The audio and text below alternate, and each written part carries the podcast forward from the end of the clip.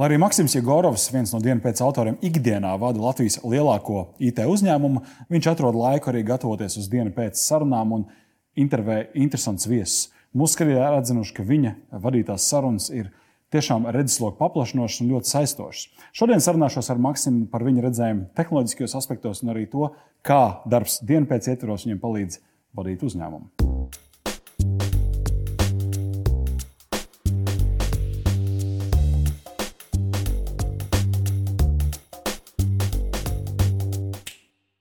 Ir gatavi. Gatavi. Nu, labi, nu tad es atrodu piedurknes, un mēs varam sākt sarunu. Maksim, tu esi diena pēc autors. Nu, jau es teiktu, kādu labu laiciņu jau ar stāžu, jau ir diezgan daudz ugunskristības aiz muguras. Jā, un, nu, kā tu aizkadrā man arī teici, ka nu, tu pats sāc jau justies, ka tu esi noķēris savu žanru, savu formu, kā, kā vadīt sarunas, nevis tik daudz intervijas, kā mm. sarunas. Ar, dažādiem cilvēkiem. Bet pamatdarbs jau ir Accenture Latvijas biroja vadīšana. Tie ir te 2000 cilvēki, kas mm -hmm. neskatoties to, ka, ka uzņēmums ir tikai Latvijā, ja mēs skatāmies pa Baltijas reģionu, tad Jā. tomēr lielākais Baltijā. Tas ir mega liels kaut kas. Un, kā tu jūties šajā te, nu, tās divas lomas, kas tomēr droši vien nav ikdienā ļoti savienojamas? Netraucē? Nu, tas ļauj kaut ko, nu, tas ļauj atvilkt elpu Vai ne? Dari Bet, kaut ko citu. Bija tas ķīniešu teiciens par to, ka labāk atpūt no darba ir cits darbs. Tas ir cits darbs. Nevis vienkārši gulēt saulē. Ja? Jā, tas ir kaut kas, kaut kas absolūti jauns, tad tu nejūties droši. Tas ir ļoti labi. Mm -hmm. Un, nu, vadītājiem ir labi, ja ir kaut kas tāds, kur tu nejūties droši. Jo tas tev ļauj sevi atgā, sev atgādināt, ka nu, nu, nav tā, ka tev katru reizi ir taisnība. Mm. Jo nu, vadītājiem tas, nu, tas, ka tev tie lēmumi pārsvarā tomēr ir pareizi, tas ir tavs, nu, tas ir tava darba būtība. Un tad ar laiku tu vairs, teiksim, tu ne, nu, tev grūti iespējams pieņemt, ka tev tas lēmums ir nepareizs. Ja? Un tad, ja tu visu laiku dari kaut ko jaunu, kur tavi lēmumi ir nepareizi un tu kļūdies un tam līdzīgi, tad tu esi vairāk kā cilvēks, nevis kā vadītājs. Ne? Jā, kaut kā tā. Es atceros, kad uh, dienu pēc ietvaros mēs tam intervijām. Uh, Viss tā intervija bija diezgan spilgta, un es iesaku katram to noskatīties. Uh, man pašam palika atmiņā, cik tu veikli un nesagatavots atbildēji uz jautājumu, kad es tev teicu, ja tu būtu izglītības ministrs, ko tu darītu. Un tu tā, nāc ārā ar tādām idejām, un pēc tās intervijas mēs ar Kristapu mēs varam noskatīties īstenībā to mazo fragmentiņu tagad. Ja tu būtu pie lemšanas ministrs izēmā vai kur, ja, vai tu palielinātu matemātikas apjomu skolās? Nē, nu, ja es būtu uh, izglītības ministrs, es uztaisītu tādu. Nu, ka tas bija apvērsumu, līdz ar to es nekad nekļūšu. es nekad nebūšu ministrs. Es domāju, ka tas ne, man nepielaidīs nekādu tīpaši, ja es tagad pateikšu. Es domāju, ka tā, tās iespējas ir mežonīgas. Ja? Nu, pirmais, ko es izdarīju, es pieņemsim, ast, nu, pirmais, ja, astotajā klasē, es uztaisītu tādu pauzi. Vai ne? Uh, Kā, kādās vispār no mācībām? Jā, uz gadu. Nopietni. Jā, jo, un es tagad izstāstīšu, kāpēc. Pārlikam, cilvēkam ir 15 gadi, kas ir nu, ļoti daudz. Tas patiesībā ir ļoti daudz. Cilvēks jau ir nu, patstāvīga būtne, tūlīt balsos vai ne? Tūlīt. Un tad es, es, došu, es dotu viņam gadu. Tad es, es mēģinātu pārorientēt ekonomiku, lai viņi aiziet pastrādāt. Mhm. Ka mēs izveidojam tādu sistēmu, ka katru gadu mēs dodam cilvēkiem nu, pauze, lai pastrādātu. Es domāju, ka mēs, kā sabiedrība, tajā brīdī varētu novienoties, ka nu, lieciet viņus mierā. Ar saviem padomiem, tur skaidrām, tam gaišām idejām, dodiet cilvēkiem brīvību, lai saprastu, kas tu esi. Nu, teiksim, tu aizēji tur Rīgā, aizēji kaut kur citur, un tu strādā. Un tā ir tāda nu, valsts tradīcija. Ja? Tā ir viena lieta, ko es izdarītu. Jo, manuprāt, kas notiek pēc tam, tu viņam dod to laiku, tu no viņam noņem to mežonīgu spriedzi? Tu dod viņam brīvību padomāt, nopelnīt kaut kādu savu godīgu naudu, atnākt uz mājām, to naudu mierīgi tērēt. Es domāju, ka viņi pa to, augu, pa to gadu izaugs tā, ka maz neliksies. Tad nu, tā tauta, kas atgriezīsies tālāk, nu, būs daudz pašmotivētāka tauta.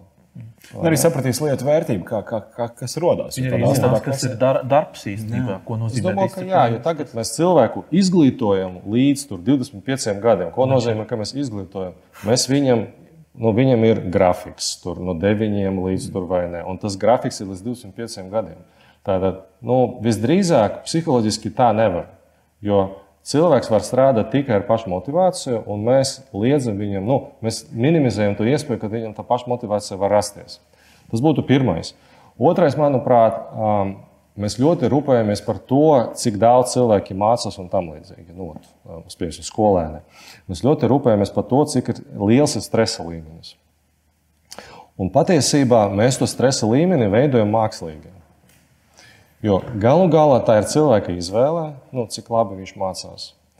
Uh, viens no stresa elementiem ir tas, ka, ja tu gribi iestāties nu, kaut kādā normālā augstskolā, nu, tev kaut kā ir jāmācās. Bet mēs viņus motivējam ar to, ka mēs esam radījuši mākslīgo deficītu nākamajai fāzē. Tā ir.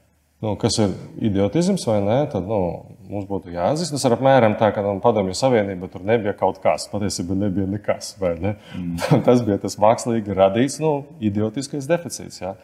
Un, tad, manuprāt, ir jāveido tāda sistēma, kad uh, cilvēkam ir iespēja tālāk mācīties. Eksāmenu, uh, pieņemsim, tas, tā barjera, tai barjera jābūt augstai. Piemēram, tagad Latvijas augstskolas eksāmena barjera ir zema, vai ne? Uh, Tad tā būtu tā otra lieta, ko es nu, ietu uz priekšu. Nu, lūk, pēc, pēc šīs intervijas mēs ar Kristofru tā apspriedām. Mēs sapratām, hey, mēs varētu piedāvāt maksimum vadīt uh, dienu pēc izglītības rubriku. Jā.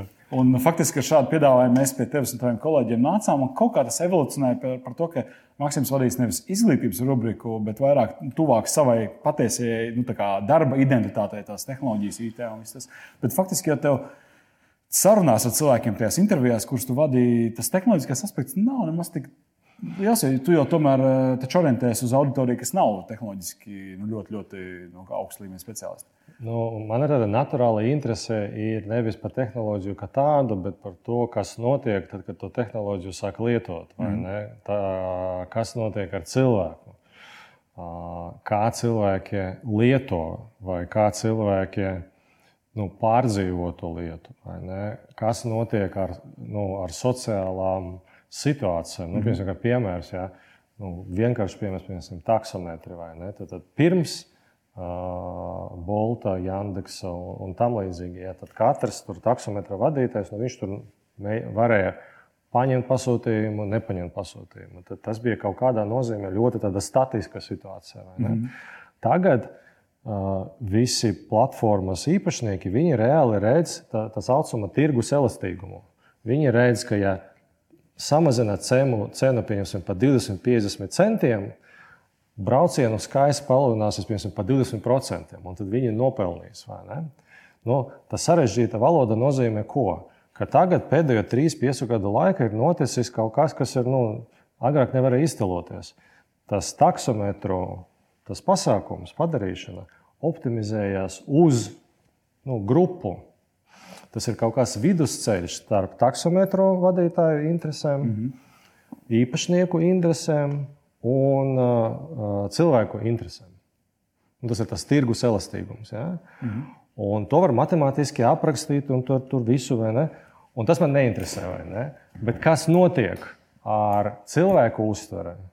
Kas notiek ar to taksometru vadītāju uztverē, kā tas maina, pieņemsim, sabiedrības lietas. Jo pēc būtības tas nozīmē, ko kā kādiem, nu, pēc maniem novērtējumiem, 20-30% no cilvēkiem var pārdot savas mašīnas. Tas gan jā. jā un tas ir. Ko cilvēki arī dara? Jā, ņemot no nu, viens taksometrs, bet arī koplietošanas mašīnas un tā tālāk. Cilvēki reāli jā, maina, maina savu dzīvesveidu. Un, un, un to var darīt pamazām, vai ne? Un tad, bet vai cilvēki to ierauga? Nu, ka to, tā var darīt. Jo bieži vien teiksim, tā iespēja ir, un, iespēja, un mēs, mēs tur tāpat cīnījāmies, ka tur tā iespēja būtu, mm. un, un pēc tam tur viens nelieto. Ne? Kāpēc? Tāpēc, ka tur ir ieradumi. Un tas ir pieņemsim, kaut kādi sociāli signāli. Piemēram, man nav mašīnas nu, tagad, yeah. de facto. Un, nu, kādu sociālo signālu tas dod? Tā kā lūzers. Tas ir lūzers, kam nav mašīnas. Tas ir mašīnas. Ne, un man jau trīs gadi nav mašīnas. Vai, ne? un, vai, ne? vai tu, pieņem, vai, nu, vai tā vāra, vai ne? Mm -hmm. uh, un, un, un tas pamazām mainās. Ā, Un tas ir tas, kas man interesē.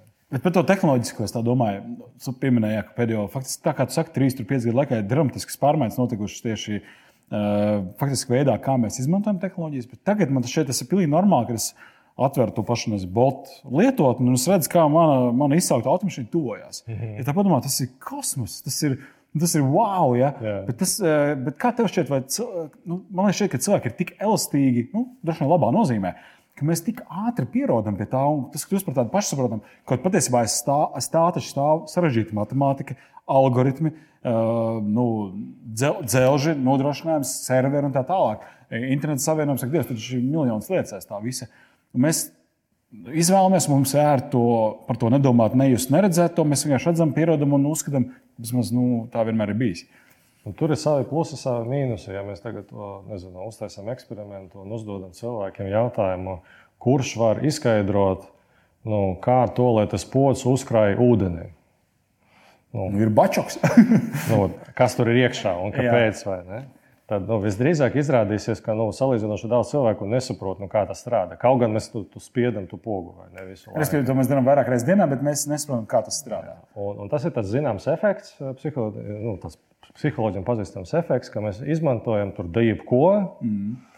Un kaut kādā brīdī mēs uzskatām, nu, blēvis, nu jā, tā mašīna brauc, nu, tagad tūlīt būs tas burgeris vai ne. Uh, un, uh, tas nozīmē, ka mēs esam cilnieki tai tehnoloģijai, mm -hmm. jo nu, tāpat kā kādreiz, cik man bija sarunu ar taksometru parku vadītājiem par to, ka vajag uzrakstīt aplikāciju, sākot ar 2010. gadu. Nu, tur desmitiem sarunu saku, taisiet aplikācijas. Jā. Nu, es bez maz vai lūdzos, jo teiksim, jūs pazaudēsiet biznesu. Viņi saka, man ir dispečeri. Nu, jā, teiksim, tur bija viena aplikācija, bija, tipa, ir aplikācija, izskatās labi, tu nospiest izsaukt, un tā aplikācija paceļ tavu telefonu. vai ne? Jesus, vai ne? Tā tad, ā, un man liekas, ka tā ir nu, bijusi mana misija tomēr parādīt, ka Nu, ja tev ir šodien tāda aplikācija, es jau tagad varu pateikt, ka tev pēc pieciem gadiem nebūs biznesa. Nu, kas apmēram tagad nu, mm -hmm. notiek vai notika. Uh, un bieži vien to var ieraudzīt, ja tu kaut bišķiņ saproti, kā tas strādā. Un, un, un tas fakts, ka mēs esam pieraduši pie tā, ka nu, jā, tā, a, kā viņi tā, tā, tā fiška to dara. Nu, mēs tagad redzējām to ar to pandēmiju. Jā, tas pirmais bija kas? Ka vīrus tas nav baktērijas. Tas ir divas dažādas lietas. Tas ir nu, pilnīgi dažādas lietas. vai Nu, ne? līdz tam par to Antibiotikas nepalīdz pret vīrusu. Vai, vai ne? Vai, vai ne? Nepalīdz. Kāpēc? Nu, tāpēc, ka tas ir vīrus, tas nav baktērijas. vai ne? Un, uh, jā, Tu teici, ka var paredzēt, un tas man uzvedina uz, uz jautājumu par nākotni. Ja, ja šodien mēs uz klozetpotu nenesam ūdeni ar spaini, un burgeri, kad mums ved uh, bolts, volts vai kā viņus visus sauc, mēs redzam savā ekrānā, kas būs, nu, vai tas vispār ir iespējams pateikt, nu, kas, kas ir nākamais, normālais. Jo šobrīd tās lietas ir normālas. Uh, nu kā, pilnīgi precīzi pateikt, nu nekā nevar, bet var pateikt apmēram to virzienu, kur tas viss iet. Uh, vienmēr var pateikt nākamo 3-5 gadu laika, kāda apmēram ir tie scenāriji, kas var mainīties un tam līdzīgi. Un tam līdzīgi un, uh, jā, un tas parasti, tīpaši šodien, tas ir pieejams. Nu, teiksim, tas ir tāda brīvi, bezmaksas pieejama informācija vai ne. Tehnoloģiskas vīzijas, tur mm. publicē daudz dažādu kompāniju. Mēs arī publicējam, jau tur ir tur 150 lapas puses, tur izdruka, paņem, izlasi, un tu, tur ir piemēram, viss ir pateikts. vai ne? Mm. Kas mums ir gan pa labu, gan nu, iespējams tā īsti ne, bet ir tas, ka nu, mēs esam parasti divi soļi aiz līdera. Un tas, kas notiek jau tur, tagad, nu, notiek Precizē, lūdzu, kur? Nu, pieņemsim, tie paši taksometri. Tie okay. taksometri parādījās, ka Uber veida parādījās štatos tur diezgan kad. Tad, ja tu saproti apmēram, kā tas var nonākt līdz tiem citiem tirgiem, mm -hmm. jo kas notika, tas Uber parādījās tur, tad tas ir liels tirgus. Ja? Štāti. Tad mm -hmm. Uber veidīgi uzņēmumi parādījās Ķīnā, tāpēc ka tas arī ir ļoti liels tirgus. Ja? Tad Uber pamēģināja nostiprināties lielās pilsētas štatos. Tad, bet Uberis vairs netiek līdz mazām pilsētām. Nu, piemēram, līdz Rīgai. Tad parādās otra līmeņa uzņēmumi. Nu, tad mums mm. parādījās Bolts vai ne. Nu, tas, tas ir apmēram teiksim, tiek nokopēts kaut kāds modelis no Uber uz uh, Boltu, uz to pašu Yandex, un tad uh, mm -hmm. tas viss paceļās. Jā. Un tad bieži vien to var redzēt. Nu, tu, tu redzi, ka ot, ir tur jauns Nu, tur viss ir pieņemts. Tur startup žurnāli, oh, jauns, tur Uber, bla, bla, bla, bla, bla, bla ka tas tagad viss mainīsies. Un kas tagad ir? Elektromobilitāte kaut kur jau ir aizgājusi, bet mēs uh, vēl gaidām, lai pie mums atnāk otrā līmeņa uzņēmumi. Uh, nu, elektromobilitāte tas ir kaut kas, nu, tā ir tāda liela cīņa, kas tagad notiek. Es mm. saprotu, tīri tehnoloģiski vajag. Visas, visi lielie Eiropas autoražotāji tagad izmanto pandēmiju, lai nomainītu ražošanu uz elektromobīļiem, mm. uz tām elektromašīnām. Jo tur mainās, kas ir tajā parastajā mašīna, ir, uh, ir nu, ārkārtīgi mehāniska lieta. Un tad, kad tu veido elektromašīnu, tur pazūd 90% no detaļām. To vairs nevajag. Nu, vai tad? Nu, jā. Tāpat nu, ir riteņi, kas grozās. Ir kāds viss dzinējs ir. Nu, dzinējs nav ātrumkārtas. Visa nav. transmisija jā. ir ārā. Vai ne? Viņa nav ārā, bet viņa ir pavisam savādāka. Un tad līdz ar to uh, nu, tas, tas, tas ir daudz vienkāršāka ierīce mehāniski. Mm. Elektriski tā ir sarežģīta ierīce, jo Akumulators tas nav kaut kāds viens, tas ir patiesībā tur simtiem un tūkstošiem bateriju, mm. viņi ir savienoti un tam līdzīgi, plus mikroshēmas. Bet tas nozīmē, ka visa ražošana ir no nu, cita. Un uh, cerams, ka Volkswagen, Audi, BMW, Mercedes, tad viņi tagad varēs tagad izmantot šo, šo momentu, lai sabūvētu tas uh, akumulātoru arī rūpnīcas un tad ļaut mums pāriet uz elektronisku Par tevis pieminētajiem ražotājiem ir jautājums īstenībā. Tā kā tu savā epizodē, kad tu uzrunā dienu pēc viesis un sarunājies ar viņiem, tu diezgan daudz pretnostatīji Eiropu. Amerika, Āzija, Āfrika parasti, saka, mm -hmm. atstāt citā plānā. Un, un, un tā. Kāpēc, tavuprāt, ir bijis tas, ka, teiksim, nu, vai tas ir pieejams, nu, Tesla un viss tas bums, kas ap viņiem ir kaut kāda, manuprāt, tā mašīna nav nemaz tik kvalitīva un tik laba. Uh, Un tad ir BMW, kas tagad nu, burtiski tā tāds lācis pēc ziemas miega, un Mercedes saka, nu, mēs te kaut kad 21. un 22. gadā rekomendējam, mums būs tāda elektriska mašīna. Ja. Nu, ok, dažas viņiem jau ir, ja, bet nu, viņi ļoti, ļoti lēni, ja, ja mēs salīdzinām ar amerikāņu tiem, tiem un Ilonu Masku visiem tiem tempiem. Kāpēc tā notiek? Vai, vai nav tā kapacitāte, vai tā riska tolerance ir atšķirīga? Kas, kas ir tas, kas. Jo nevar būt, ka BMW ar saviem eh, desmitiem tūkstošu inženieru nevar nu, paskatīties 3, 5, 10 gadu kontekstā, kas būs uz priekšu. Nu, tur ir dažādi viedokļi. Tad, tad ir viens viedoklis, no ir ekonomistu viedokļi. Kā, nu, mums, pieņemsim, pasaules līmenī nevajag tur vairāk par diviem, trim štatiem. Piemēram, ir eh, Amerikas Savienotās valstis un Ķīna. Viņi tur nu, maus uz priekšu, mm. un ar to pietiek. Un visi nevar būt tādi. Ir tāda teorija. Tas nozīmē, ka, ja viņi maus uz priekšu, tad visiem pārējiem ir jābūt tuvu aiz viņiem.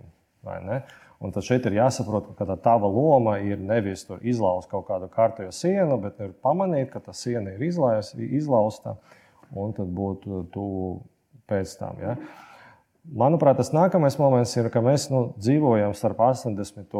gadu vai starp 80. un nu, pieņemsim, iepriekšējo gadu tādā realitāte, ka ir viena liela pasaule, viss ir forši, un, un, un, un ja pieņemsim, ir štatos, ir izgudrots kaut kas, ar to iespējams pietiek. Ja ir tas Google, tad, tad, nu, mm.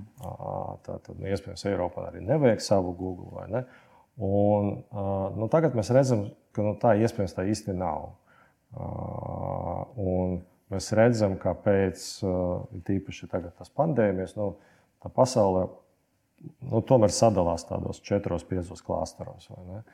Un uh, teiksim, tas mūsu Eiropas pozīcija, runājot ar citiem, ir ļoti atkarīga no tā, kas mums pašiem ir. Un, uh, tur runāt par to, cik slikts ir kaut kāds Amerikas ražotājs, Nu, tas ir bezjēdzīgi. Mm. Labāk, labāk runājam par to, kāpēc mums nav sava un ko mēs darām, lai mums ir savs. Līdz ar to man liekas, ka tas uh, jautājums ir svarīgs. Ja? Tā cita lieta, ka parasti saka, ka inovācijas veidojas tajās vietās, kur ir nu, cilvēki testē variantus. Pieņemsim, pie mums, mūsu ziemeļu, uh, uh, kas saka, kaimiņi, ziemeļu valstis. Viens no iemesliem, nu, ekonomisti uzskata, viens no iemesliem, kāpēc viņi ir tik attīstīti, tāpēc, ka tas ir dažādas valstis ar vienu ļoti līdzīgu valodu, skandināvu valodu, nu, izņemot Somiju. Viņi visu laiku savā starpā stīvējas pozitīvi. Mm -hmm.